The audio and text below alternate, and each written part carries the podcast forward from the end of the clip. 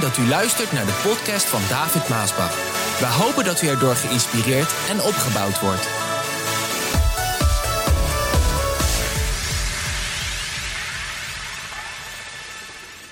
De basis van een goede verhouding met God. Zo kwam het tot mij. Dat is een geestelijke erfenis. Die heb ik gekregen en die geef ik door. Niet alleen aan mijn eigen kinderen, maar aan een nieuwe generatie. En in al die jaren dat ik, eh, dat ik in het werk van de Heer mag zijn. Wat doe ik? Ik geef door de basis van een goede verhouding met God. Want dat deden de, die wolk van getuigen, de godsmannen en de godsvrouwen uit de Bijbel ook. Die gaven dat door. Mozes is hier heel sterk in wanneer hij zegt: Je moet het je kinderen inprenten. Je moet het erin stampen, zou ik eigenlijk willen zeggen. Instampen, inprenten, zegt Mozes. Dat is een woord van God. Je moet het erin brengen. En ik wil die geestelijke erfenis, die wil ik overbrengen aan een nieuwe generatie. Ik wil ook heel graag, dat heb ik al tegen broeder John gezegd, ik wil heel graag met de generatie die ook nu kinderen krijgen, net kinderen hebben gehad en kinderen krijgen, de baby's, wil ik nog samenkomen om een aantal dingen aan jullie door te geven. Hoe wij ook onze kinderen hebben opgevoed.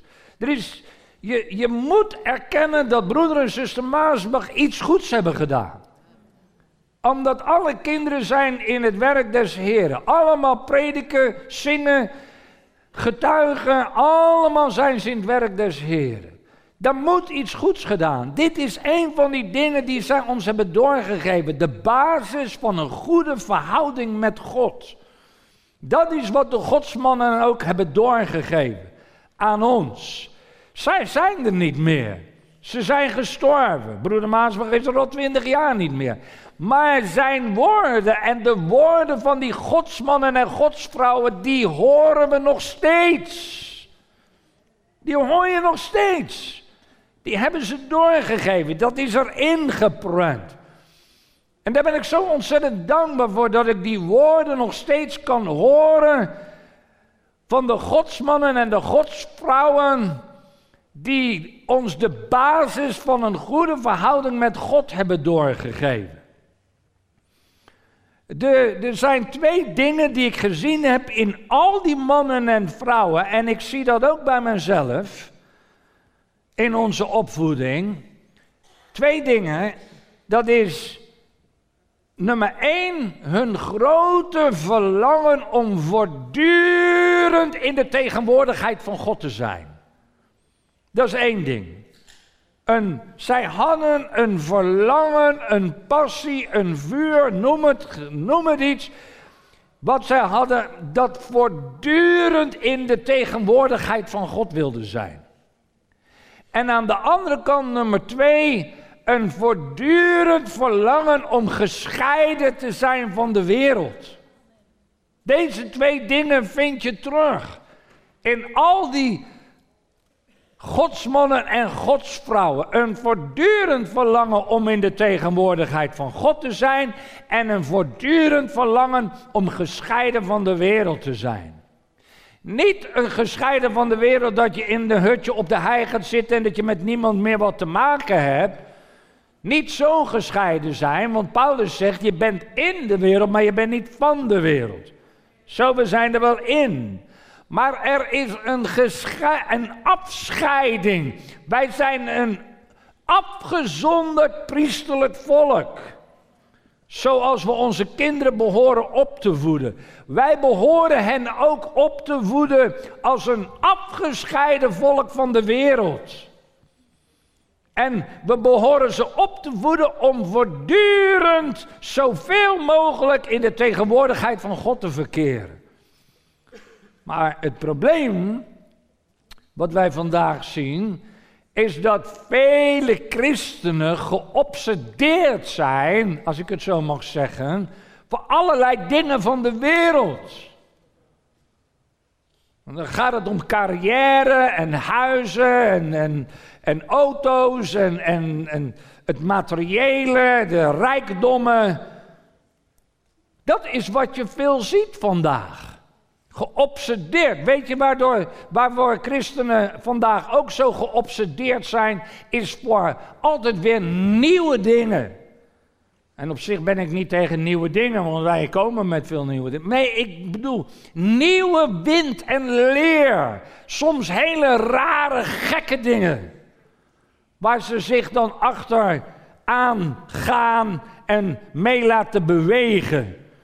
Dat is wat ik gewoon veel zie. Dat veel kinderen Gods vandaag geobsedeerd zijn om van de dingen van de wereld. En, en dan voeden ze ook hun kinderen zo op. Ook in die carrières. En, en voor het geld, en voor school, en voor, voor huis, voor, voor, voor, voor geld en, en materiële dingen. Lieve mensen, dat is niet waar het allemaal om draait. Heerlijk als je een goede school kan volgen. Heerlijk als je in een mooi huis kan wonen. Heerlijk als je een mooie auto kan rijden. Fijn als God je daarmee zegent, geniet ervan. Maar dat is niet waar het om draait. Je moet het allemaal achterlaten. Als het eenmaal zover is. Maar die obsedatie daarin of daarvoor. Hallo. Dat is waar veel kinderen Gods in verstrengeld zijn geraakt. Waarom is die geestelijke erfenis nou zo belangrijk? Waarom is het nou zo belangrijk om die geestelijke erfenis door te geven? Waarom vind ik dit nou zo belangrijk, waardoor ik elke keer daar op zit te, te ja, geef eens een woord, aandacht aan zitten besteden. Hoe vaak besteed ik niet aandacht van die dingen? Waarom vind ik dit zo belangrijk ook voor mijn kinderen? En mijn kleinkinderen nu? Goh, kleinkinderen, we praten al over onze kleinkinderen, zeg. U over achterkleinkinderen, nou dan ben ik nog voorlopig uh, niet beland, man. Maar waarom vind ik dat nou zo belangrijk? Dat die geestelijke erfenis van mij naar mijn kinderen gaat. Waarom zien wij erop toe dat die geestelijke erfenis van onze kinderen weer op onze kleinkinderen komt? Waarom? Waarom bemoeien wij ons met onze kinderen dat zij vooral die geestelijke erfenis aan die kleinkinderen doorgeven? En dat wij erop toezien dat het gebeurt? Waarom? Omdat dat de enige manier is waarop je de basis van een goede verhouding met God kan hebben. Het is niet voor niks dat de godsmannen en vrouwen ons dit door hebben gegeven. De basis van een goede verhouding met God heeft daarmee te maken.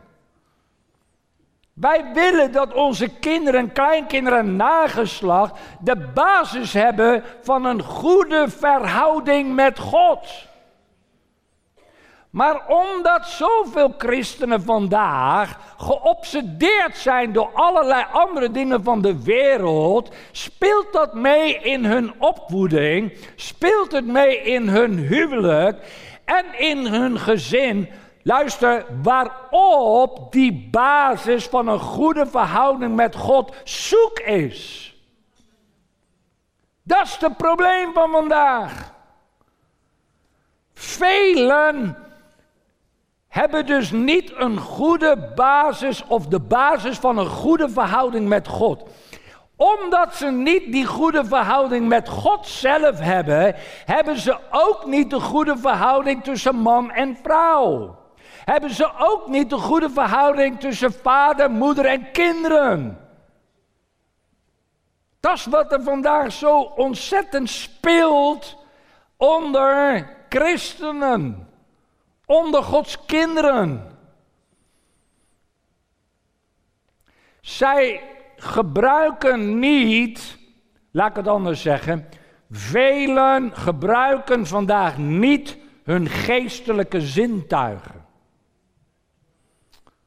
Hoor je dit wat ik zeg?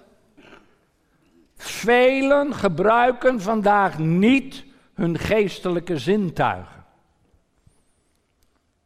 Waarom gebruiken ze niet hun geestelijke zintuigen? Omdat ze die niet kunnen gebruiken. En waarom kunnen vele christenen en kinderen Gods hun geestelijke zintuigen niet gebruiken? Omdat hun geestelijke zintuigen verstrengeld zijn, vertroebeld zijn geraakt met hun vleeselijke zintuigen. Luister wat ik zeg. Want als je vandaag het woord van God hoort, kan er ineens een hele verandering in je leven, huwelijk, gezin komen. En ook in de kinderen. En je hele nageslacht. Velen kunnen dus niet hun geestelijke zintuigen gebruiken, omdat ze verstrengeld, vertroebeld, vermengd zijn met hun vleeselijke zintuigen. En als je geestelijke zintuigen verstrengeld zijn geraakt, en dat kan zelfs ook bij dienstknechten des Heren, bij voorgangers. Als je geestelijke zintuigen verstrengeld zijn geraakt met je vleeselijke zintuigen, luister, dan kan je niet goed meer onderscheiden wat van God en wat niet van God is van alles wat tot je hart komt. Er komt van alles op ons af vandaag. En wat op je afkomt en tot je hart komt, dat moet je kunnen onderscheiden. Hoe kan je het onderscheiden met je geestelijke zintuigen? Maar als je geestelijke zintuigen niet goed werken omdat ze vermengd zijn met je vleeselijke zintuigen, weet je niet of het nou van God is of niet van God is. Ik zat net te denken ook, kijk, dit is misschien dan net iets waarvan wij kunnen zeggen, nou David, dat weet ik wel. Ik zat laatst te denken over onze kinderen dat ik dacht, als ik niet aan mijn kinderen vertel vandaag wat wel en niet goed is in de ogen van God, dus bijbels gezien, wie doet het dan? Als ik hun niet vertel dat twee kussende mannen die op een poster op een bushokje hangt, dat dat niet normaal is. Wie vertelt hun dan dat het niet normaal is? Hallo? Wie vertelt het hun? Op school niet. In vele kerken niet, want die gaan mee. En als je vandaag tegen je kinderen zou zeggen in het openbaar, zeg, dat is niet normaal, hè, twee kussende mannen. Dat begrijp je wel, hè? Nou, dan moet je voorzichtig zijn. Het is toch raar dat als je bij een bushalte staat met een hoop mensen, en, en stel je voor politie en zo erbij, en dat ik dan tegen mijn kinderen zou moeten zeggen, zeg die twee mannen hier op die poster, dat is niet normaal hoor. Toch raar dat je dat zo moet zeggen. En dan, dan ben ik nog iemand die het zegt. Hoeveel zeggen er niks van? Maar luister, als jij niet degene bent die hun vertelt dat dat abnormaal is, wie doet het dan?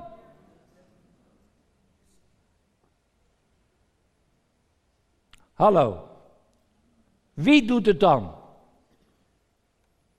En als je dat dus niet doet, dan groeien die kinderen op met een heel normaal beeld wanneer zij twee van die gasten ziet zien zoenen met elkaar. Oh, dat is normaal. Nee, dat is niet normaal. Niet normaal? Wat ben jij ouderwets? Dit is maar één ding. En dit is nog herkenbaar wat ik zeg. Ah. Weet je wat het probleem vandaag is? Wat ik net aanhaal. Dit is, weet je dat dit een heel groot probleem is waar ik nu over praat? Onder Gods kinderen. Onder de christenen, onder Gods kinderen. Laat ik het nog anders zeggen. In de kerk is dit een heel groot probleem. En dat heeft helemaal te maken waar ik het nu over heb. Het is een openbaring die God je geeft. Als, stel je nou voor, wij komen uit de stad, hè? Eh, gewoon, de meesten komen uit de stad, denk ik.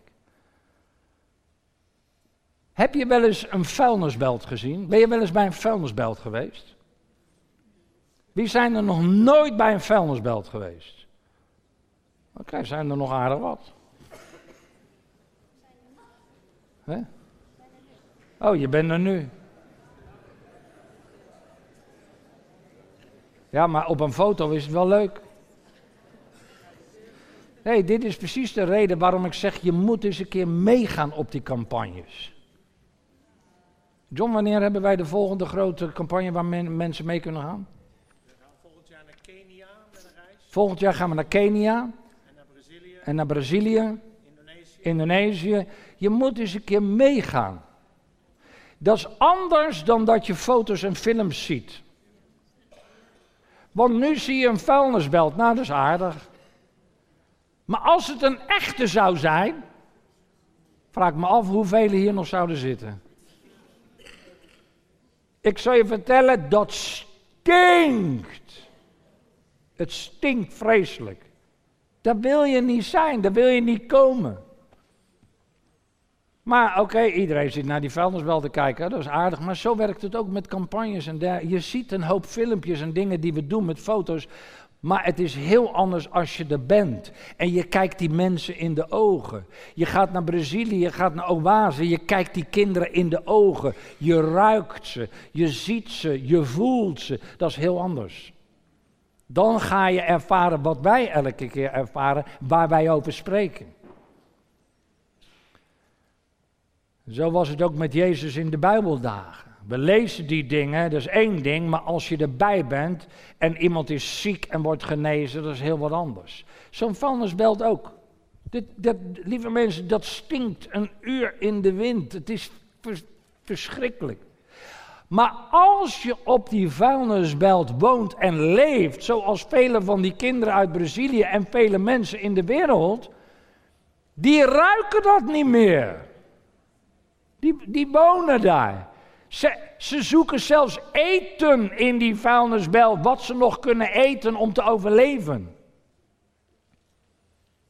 Ik ben vroeger wel eens uh, op een boerderij geweest. Vond ik geweldig. Met de koeien en de, en de schapen en de kippen. Bij vrienden van, uh, van, van, jullie ben ik wel eens op een boerderij geweest. Maar toen ik aankwam, oh mensen, kinderen.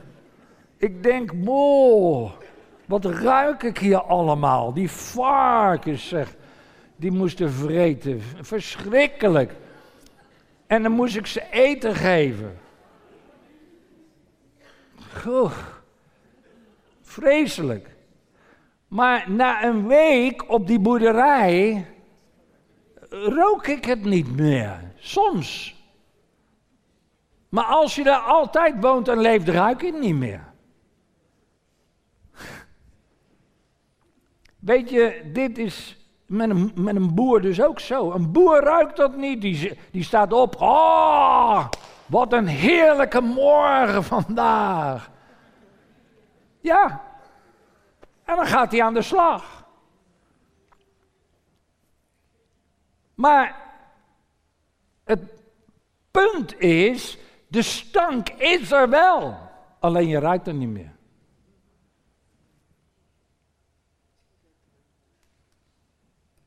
Zo moet het ook zijn met God en de zonde. Zo moet het ook zijn met Jezus die naar de aarde kwam. Hij is heilig en hij kwam en het was vies en goor.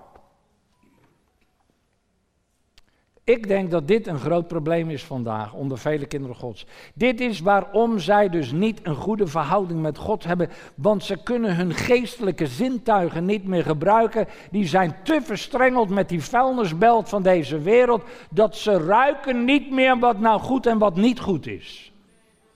Vele christenen weten gewoon niet meer wat wel en niet kan. Velen weten gewoon niet wat ze wel en niet mogen kunnen zeggen, wel en niet mogen kunnen doen, want het is allemaal, men raakt dus eigenlijk wereldsgezind, waar de Bijbel ons voor waarschuwt. En dat betekent dat hun geestelijke zintuigen niet meer werken. Want als hun geestelijke zintuigen nog zouden werken in de volle kracht van de sens, dat, dat iets kan werken, dan zouden ze nooit de dingen doen en zeggen die ze doen en zeggen. En dan zouden ze hun kinderen anders opvoeden. Vandaar dat ik graag samen wil komen om onderwijs te geven en te zeggen hoe we de kinderen moeten opvoeden zodat ze de basis hebben van een goede verhouding met God. En velen hebben dus vandaag niet de basis van een goede verhouding met God, waardoor eigenlijk alles schuin zit in hun leven, scheef, leven, scheef zit. Huwelijk, gezin, eigen leven zit scheef. Maar ze merken er niet veel van, omdat ze het gewoon niet meer zien, niet meer voelen, niet meer ruiken. Totdat je, totdat je doet wat die godsmannen en vrouwen ook hadden, en dat is ook wat ik in hen zie, hun verlangen naar de groei in heiliging. Zij hadden allemaal een verlangen in hun groei naar heiliging.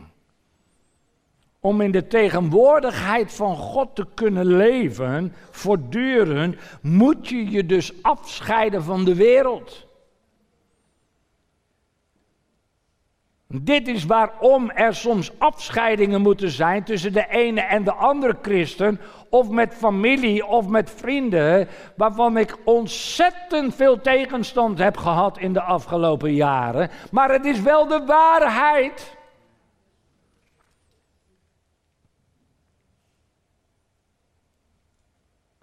En het ligt er maar aan wat je eigen verlangen zijn.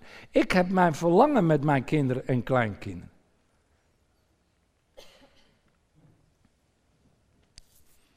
En mijn geestelijke zintuigen werken. Maar ze werken vandaag niet eens zo optimaal als dat het zou kunnen van dingen die ik in mijn leven heb meegemaakt. En ik weet hoe sterk geestelijke zintuigen kunnen werken. Maar dan zou je eigenlijk van deze aardbodem moeten verdwijnen. Want dat is heel moeilijk met alles om ons heen. En ik heb een stuk meegenomen van een ervaring in mijn leven, wat een hoofdstuk is uit mijn boek Verlies nooit je geloof. En ik hoop hem in oktober uit te kunnen brengen. Hij is wel zo dik. Er staan ervaringen in van mijn leven die ik op heb geschreven, niet broeder John om medelijden te wekken waar u het over had, maar in dezelfde manier als dat David zijn ervaringen opschreven, Mozes en, en, en uh, Paulus en zo, opdat wij daarvan kunnen leren.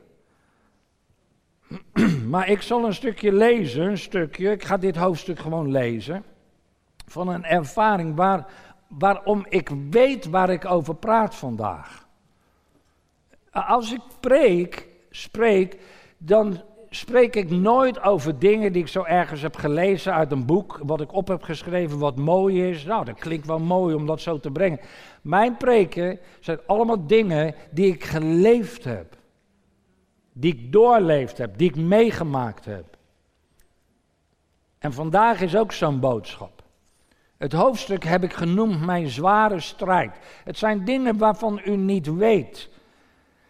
En daarom ben ik blij dat ik mijn boek kan en mag uitbrengen, waar ik in die dingen in deel. Toen ik, dat was na, de, het, overla- na het heengaan van mijn vader. Mijn vader is heengegaan in, 2000, in 1997. Eh, dus dit is een vijf jaar later. Nieuwe fase ook.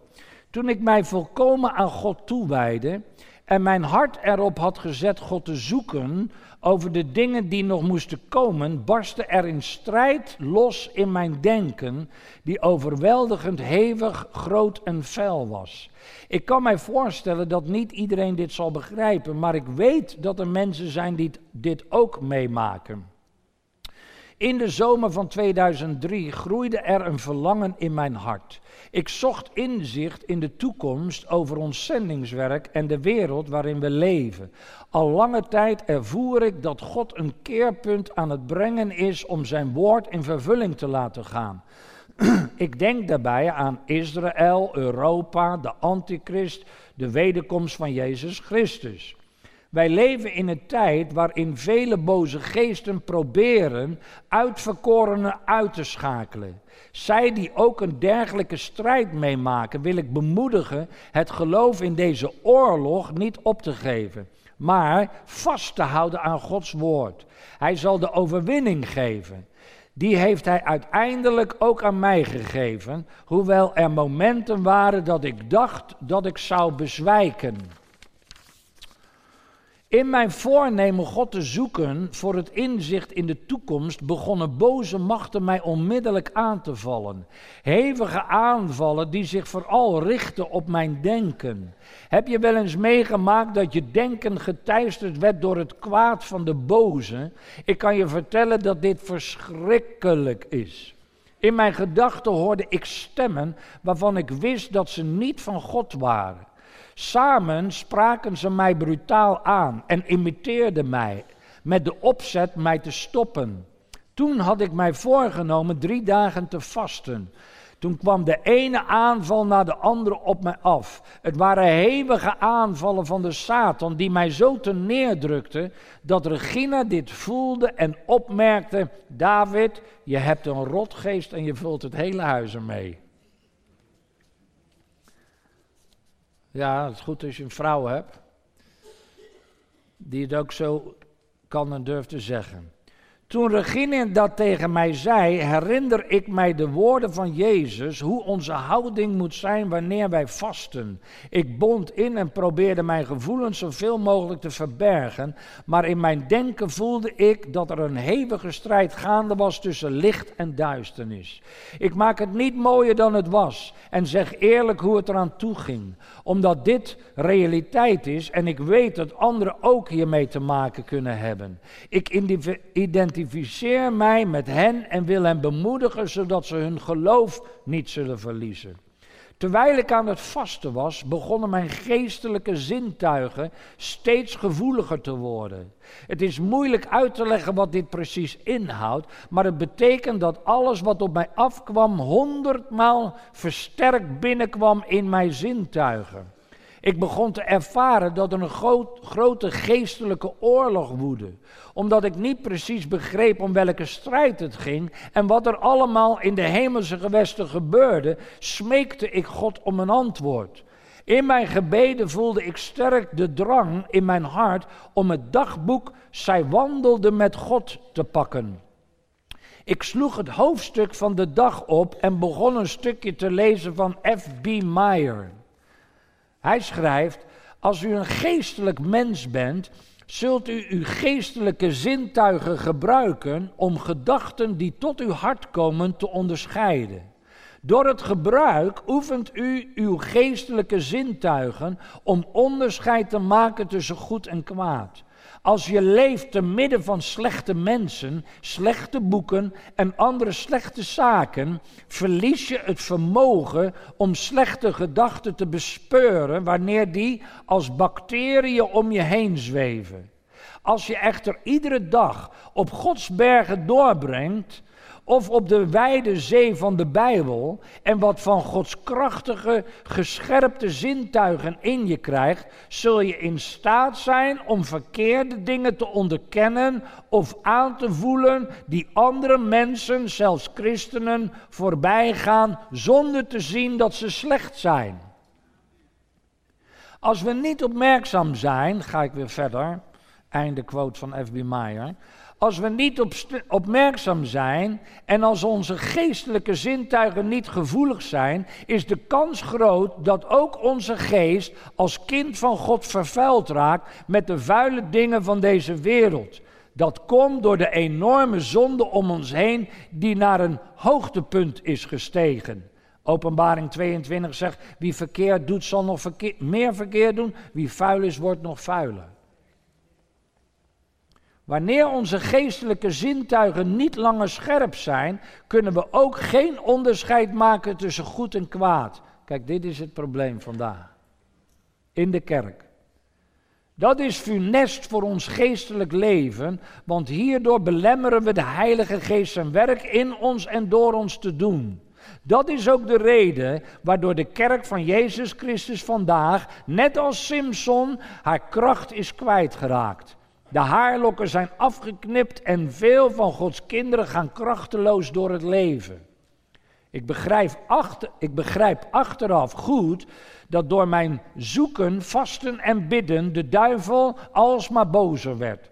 En daardoor werd de strijd steeds feller. Mijn geestelijke zintuigen werden op zeker moment zo gevoelig dat elk vuil woord dat tot mij kwam via mensen, televisie, kranten, braden en radio, door mij heen dreunde als door een gehoorapparaat dat veel te hard staat afgesteld. Hierdoor begonnen de boze machten om mij heen als een zondelast op mij te drukken. Alles wat in Gods ogen vuil, vies, onrein en slecht was, kwam op mij af als beelden onder een vergrootglas. Het werd hierdoor zo ontzettend zwaar dat ik steeds meer het verlangen had om dichter bij mijn heilige en reine Jezus te komen. Hierdoor begon ik echt alles om mij heen opzij te zetten. Alles wat een hindernis zou kunnen zijn om dichter bij Jezus te komen, moest weg. Wat had ik graag willen vluchten, maar waarheen moest ik gaan? Waarheen ik ook zou gaan, zou ik, in de, zou ik de strijd in mij meenemen. Ik wist in mijn hart dat ik hier en nu, dat het hier en nu zou moeten gebeuren. Om niet onder de zware strijd te bezwijken, riep ik letterlijk elke seconde tot Jezus om hulp. Met u, Jezus, kom ik hier doorheen. Alleen met u kom ik hier doorheen. Alleen u kunt mij helpen, zei ik telkens weer tot de Heilige Geest. Boze geesten brulden en intimideerden mij alsof het engelen van het licht waren. Zij zeiden: David, de zalving van God is van je geweken. David, God heeft je verlaten. David, God is niet meer met je. David, je haalt het niet. David, dit is het einde van je bediening. David, je valt door de mand. David, stop er maar mee. Het heeft allemaal geen zin meer. Ik lees dit. Naast alles wat er gaande is, waar u wel misschien over gehoord hebt buiten, weet u wel? Internet en mensen die weggingen, nou, noem maar op. Dat hoorde u wel. En dat las u wel. Misschien. Maar dit wist u misschien niet. Dat was ook gaande. Het preken viel mij in die tijd ontzettend zwaar. Dat ik met lood in de schoenen naar het huis van de Heer ging. Het gebeurde zelfs dat deze stemmen tot mij kwamen terwijl ik aan het preken was. Ik preekte en vocht tegelijkertijd tegen de machten van de duisternis. Help mij, help mij, schreeuwde ik in mijn binnenste tot Jezus. Sommige van die aanvallen waren zo hevig dat ik werkelijk dacht dat ik ter plekke zou bezwijken. Vaak had ik hierdoor in mijn binnenste een misselijk gevoel. Het weten dat God met mij was en mij niet zou kunnen verlaten was niet genoeg meer. Ik moest het niet alleen weten, maar ook geloven. God is met mij, schreeuwde ik telkens weer in mijn binnenste. Ik zag het niet, ik voelde het niet, maar ik hield mij in het geloof vast aan het woord van God dat zegt: ik, zal u, ik laat u niet in de steek, ik zal altijd bij u blijven. Al zou ik geestelijk en lichamelijk bezwijken, mijn hart vertrouwt op God. Hij is mijn rots, voor eeuwig houdt Hij mij vast, zegt Psalm 73. En zo ging ik in die periode op en neer naar ons kinderthuis in India. Om zaken af te handelen en een ontmoeting te hebben met het bestuur. De reis ging goed en God zij dank kon ik alles doen wat ik moest doen. Ik liep echter een ernstige buikinfectie op, tyfus. Ik kwam al 30 jaar in meerdere landen en had nog nooit iets dergelijks opgelopen. Teruggekomen in Nederland belandde ik met hoge koorts in het ziekenhuis. Ik werd in quarantaine geplaatst en voelde me zo zwak als een vaatdoek. En terwijl de zondelast steeds zwaarder op mij begon te drukken, ontstond er in mij een hevig en heilig verlangen naar een nieuwe, verse en verkwikkende aanraking van Jezus Christus.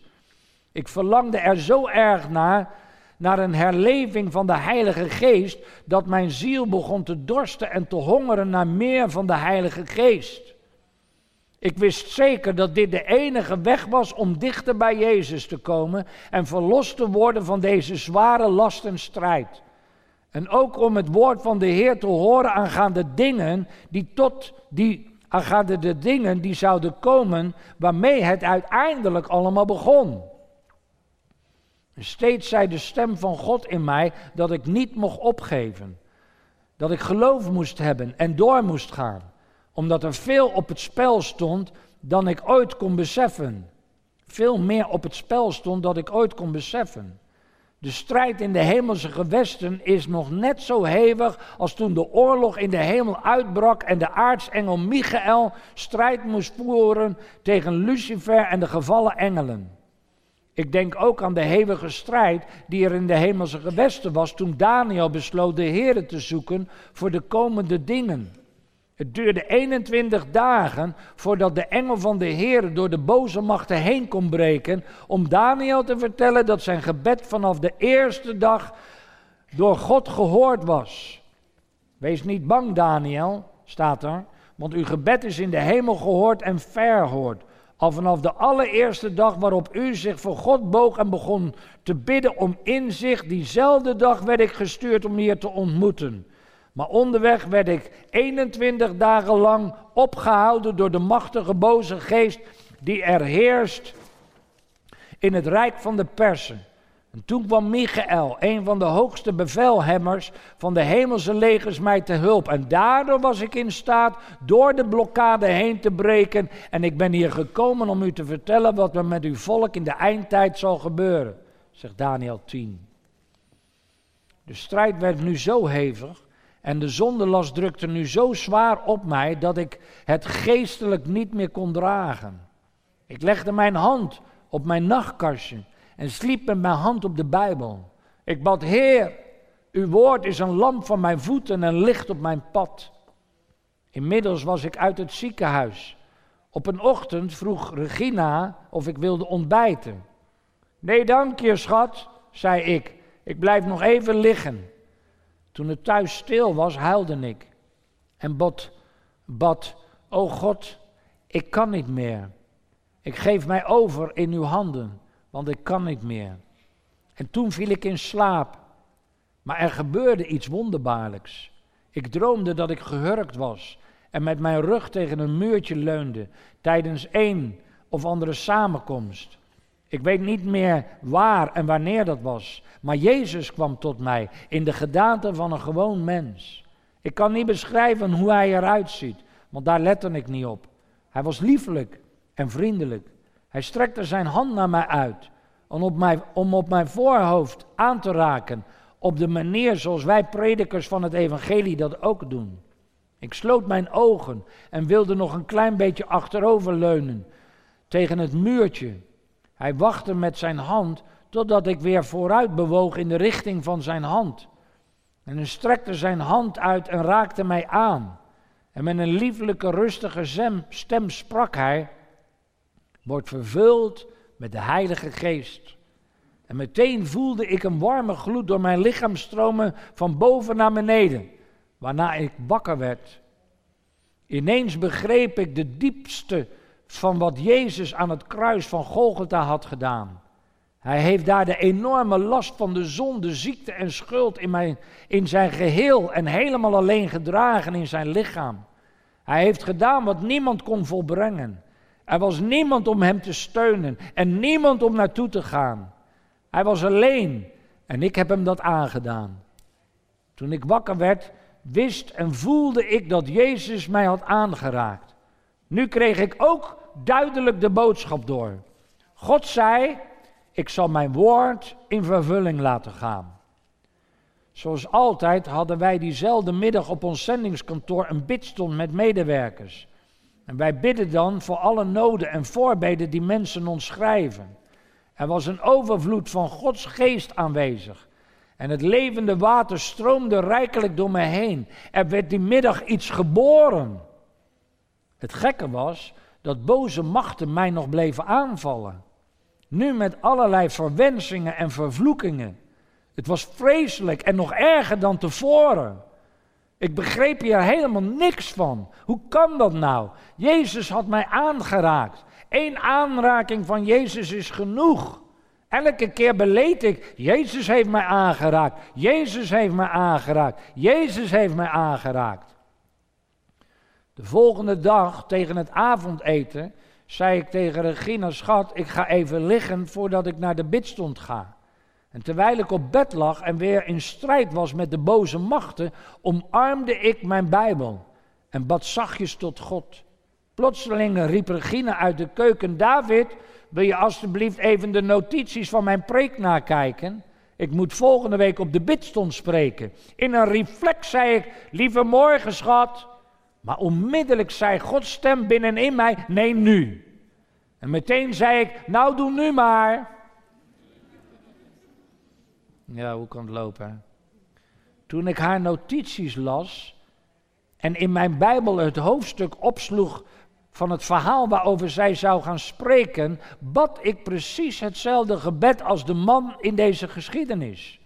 Ook hij bad, ook hij had te maken met een grote overmacht van de vijand en wist niet wat hij moest doen. toen ik de woorden las die God tegen zijn dienaar Jozef had sprak, was het alsof, Gods, alsof ik God zelf hoorde zeggen: David, het is niet jouw strijd, maar mijn strijd. Twee kronieken zegt, wees niet bang, laat de angst voor dit grote leger u niet verlammen, want dit is niet uw strijd, maar mijn strijd. Op datzelfde moment viel alles van mij af. Alles in mij en om mij heen kwam tot rust. Ik begon God te loven en te prijzen en te danken dat het niet mijn strijd was, maar zijn strijd. Kijk hoor. Maar zijn strijd. Wie kan tegen de Allerhoogste stand houden? Ik dankte Regina voor het woord dat ze me had gegeven. Ik kuste haar en was zo blij van binnen. Ja, dat God dat zo moet laten lopen, hè, dat begrijp je dan soms niet. Had toch ook heel anders. Maar God laat dat gewoon zo lopen. Met grote vreugde. Ik ben er bijna. Klein stukje nog.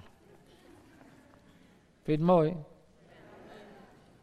Het is heel persoonlijk. Ik ben blij dat ik het heb opgeschreven allemaal, waardoor ik nu het, het boek tot stand kan brengen. Met grote vreugde en blijdschap ging ik die avond naar Gods huis. De Heilige Geest borrelde in mij op. Ik kon niet wachten om samen met Gods kinderen te loven en te prijzen. Het was een explosie van Gods heerlijkheid en glorie.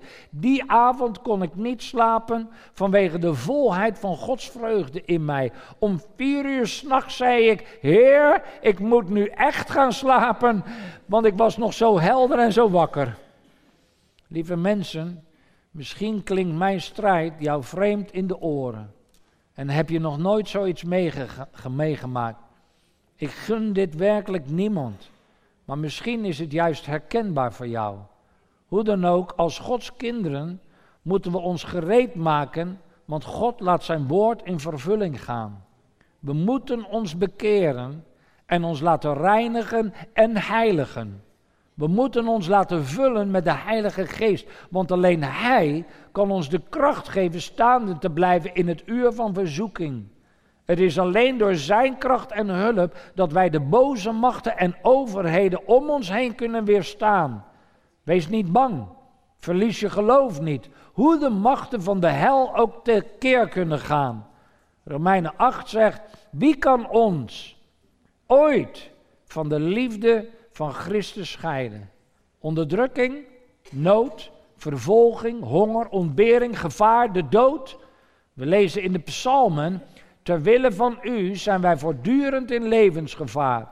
Wij worden beschouwd als slachtschapen. Maar onder al die omstandigheden hebben wij, dankzij Hem die zoveel van ons houdt, de overwinning.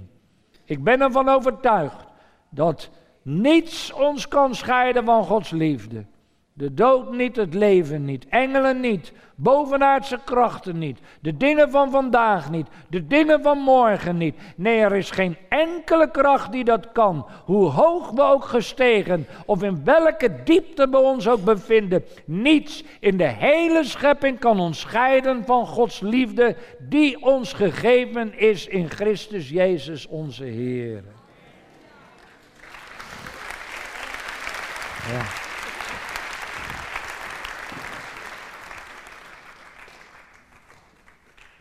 Dit is het begin van een tijd waarin wij leven. Wat nu zo snel allemaal verandert om ons heen. Zo vuil en vies wordt om ons heen.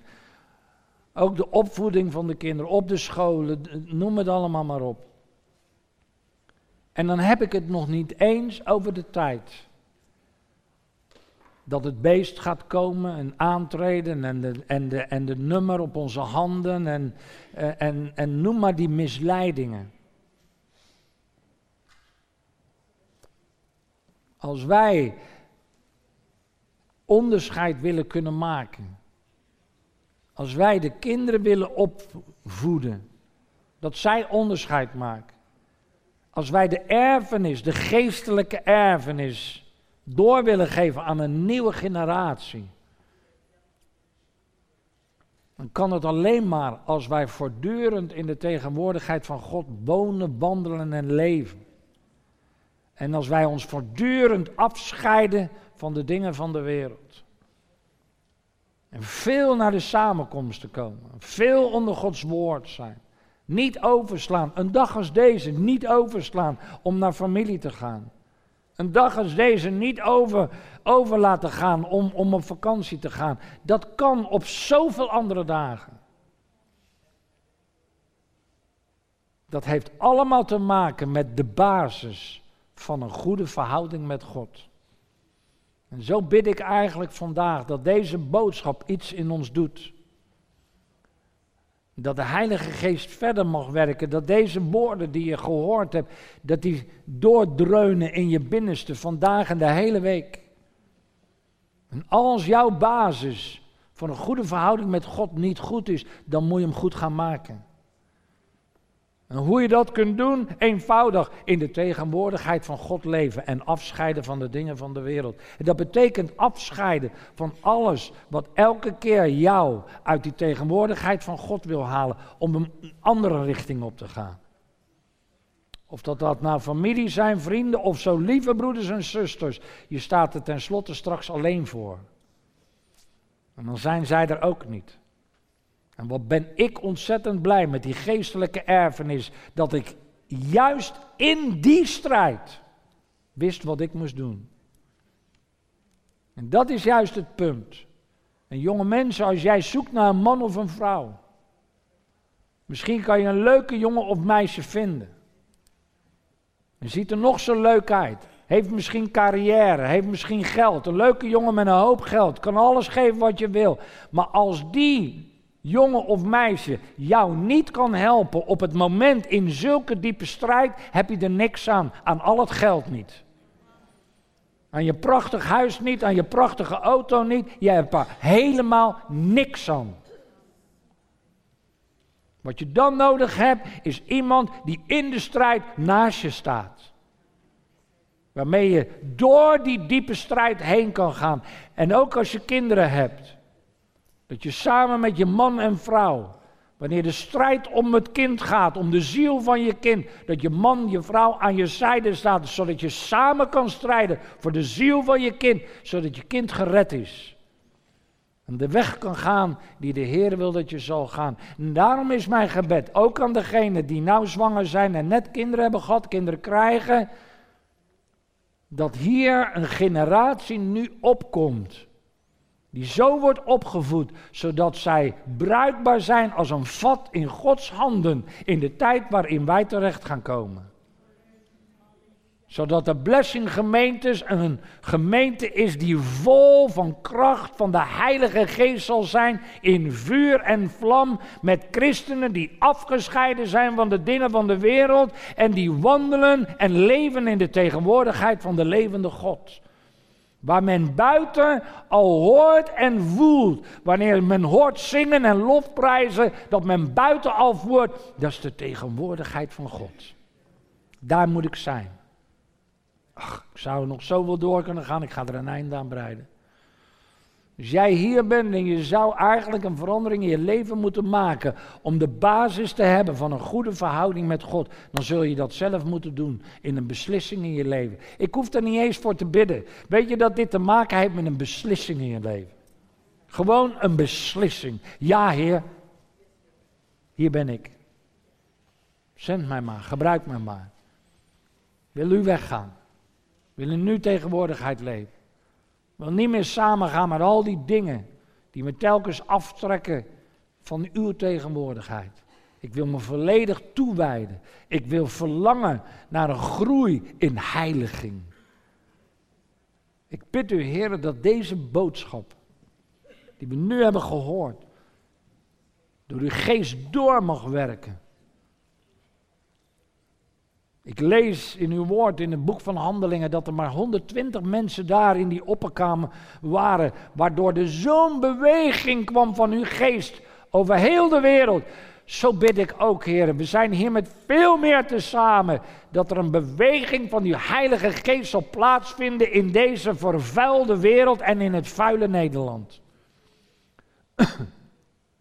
heren, dat er een generatie op zal staan van een jonge mensen, een nieuwe generatie. En vooral degenen die nauw geboren worden in deze tijd. Heren, dat we ze zullen opvoeden.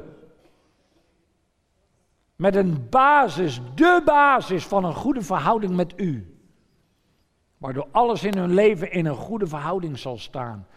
Waardoor u ze kunt gebruiken. Heren, dat ze opgevoed worden om uiteindelijk, net als Samuel, uiteindelijk dienst te doen als een vat in uw koninkrijk.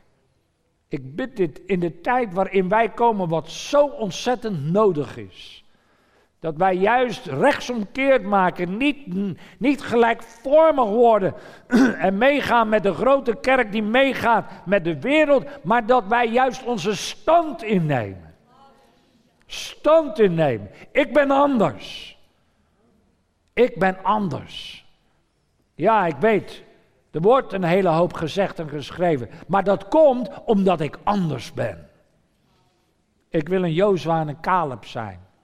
Ik wil het land beërven. Ik wil de hemel binnengaan. Ik wil mijn kinderen daarin die weg, dat ze die zullen volgen. Mijn kleinkinderen, dat ze die weg zullen volgen. Mijn achterkleinkinderen, mijn hele nageslacht. Dat de zegen van God op hen rust. Dat zij de basis zullen hebben van een goede verhouding met God.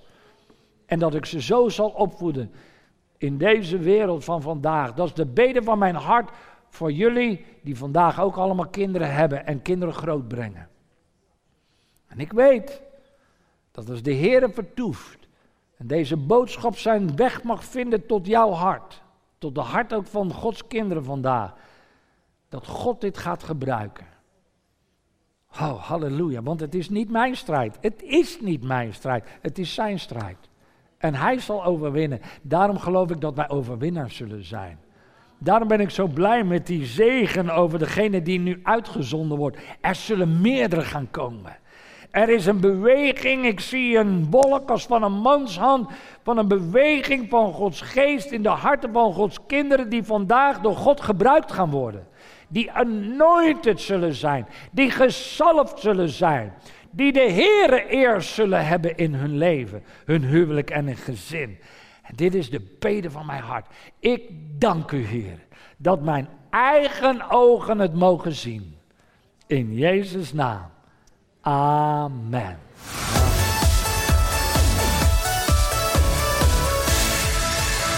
Bedankt voor het luisteren naar deze podcast.